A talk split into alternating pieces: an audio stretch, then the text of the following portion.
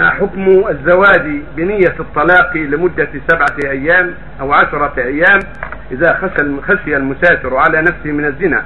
وهل فتوى اللجنة الدائمة للإفتاء في جواز الزواج بنية الطلاق تشمل المدة القصيرة والطويلة أم لا؟ لأن بعض الشباب الذين سافروا في الأجازة في الإجازة السابقة صوروا الفتوى بحجة أنها تنطبق عليهم ولو كانت المدة قصيرة. فما الحكم ذلك؟ هذا ليس من ليس من المتعة، المتعة هي يتزوج الإنسان وهو على هو على شرط بينه وبين الزوجة أو الزوجة على أيام معلومة أو سنة معلومة أو شهر معلوم كما كان في الجاهلية وفي أول الإسلام. ثم نسخ ذلك في أثناء الإسلام في حجة في حجة الوداع وقيل في يوم الفتح على كلام من أهل العلم. أما كونه يرمي الطلاق هذا ليس ليس بمتعة.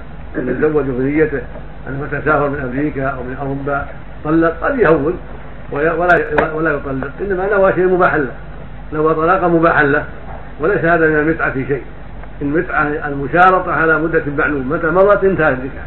وانقضى النكاح.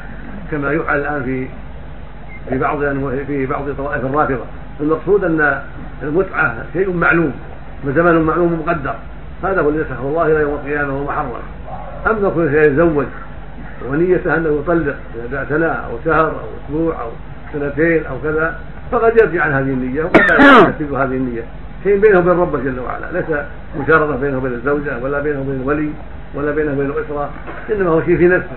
هذا لا يضره عند جمهور أهل العلم حكاه صاحب المغني عن أكثر العلماء.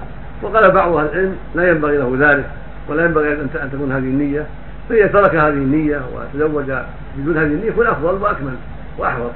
نعم. الشيخ لأهل الزوجة اذا كانوا لا يعلمون. يعني. ما في ما في غش هو هو مباح لها الطلاق ولو ما نوى. هو ملزم بها يبقى معها. هو ملزم بها. ولو ما نوى الطلاق. لو لو زوجت امرأة ثم رأيت من المصلحة أن تطلقها بعد ليلة من الزواج لا حرج عليك. رأيتها لا تناسبك فطلقتها بعد ليلة وليلتين ما في حرج. يا شيخ نعم. الله. نعم. في معهد الإدارة المكتبة مختلطة. وكل يوم تزيد عن يوم يدلس اي أي الإدارة؟ معهد الاداره العامه في شارع طيب وهذا نشر للربيع. كاتبه ورقه؟ تاتي الفتاة في أي وقت. كاتبه في ورقه الآن؟ نعم كتبناه لك قبل أسبوعين. يمكن. لا بد كتبت لو كتبت في اسم ناصح جزاك الله خير. عن النسيان؟ دحين. اسم ناصح نعم. نعم وبعد نخبركم أن رئيس الجهاز العسكري بالحرس الوطني يمنع بعض من يرغب للالتحاق في مدرسة تحفيظ القرآن الكريم بالحرس ولا يرضى بأن يدخلها بها إلا عريف وجندي فقط وما فوق العريف والجندي يمنعه قطعيا ولو كان يرغب ونرجو من فضيلتكم النظر في ذلك. الله الأمر إن شاء الله.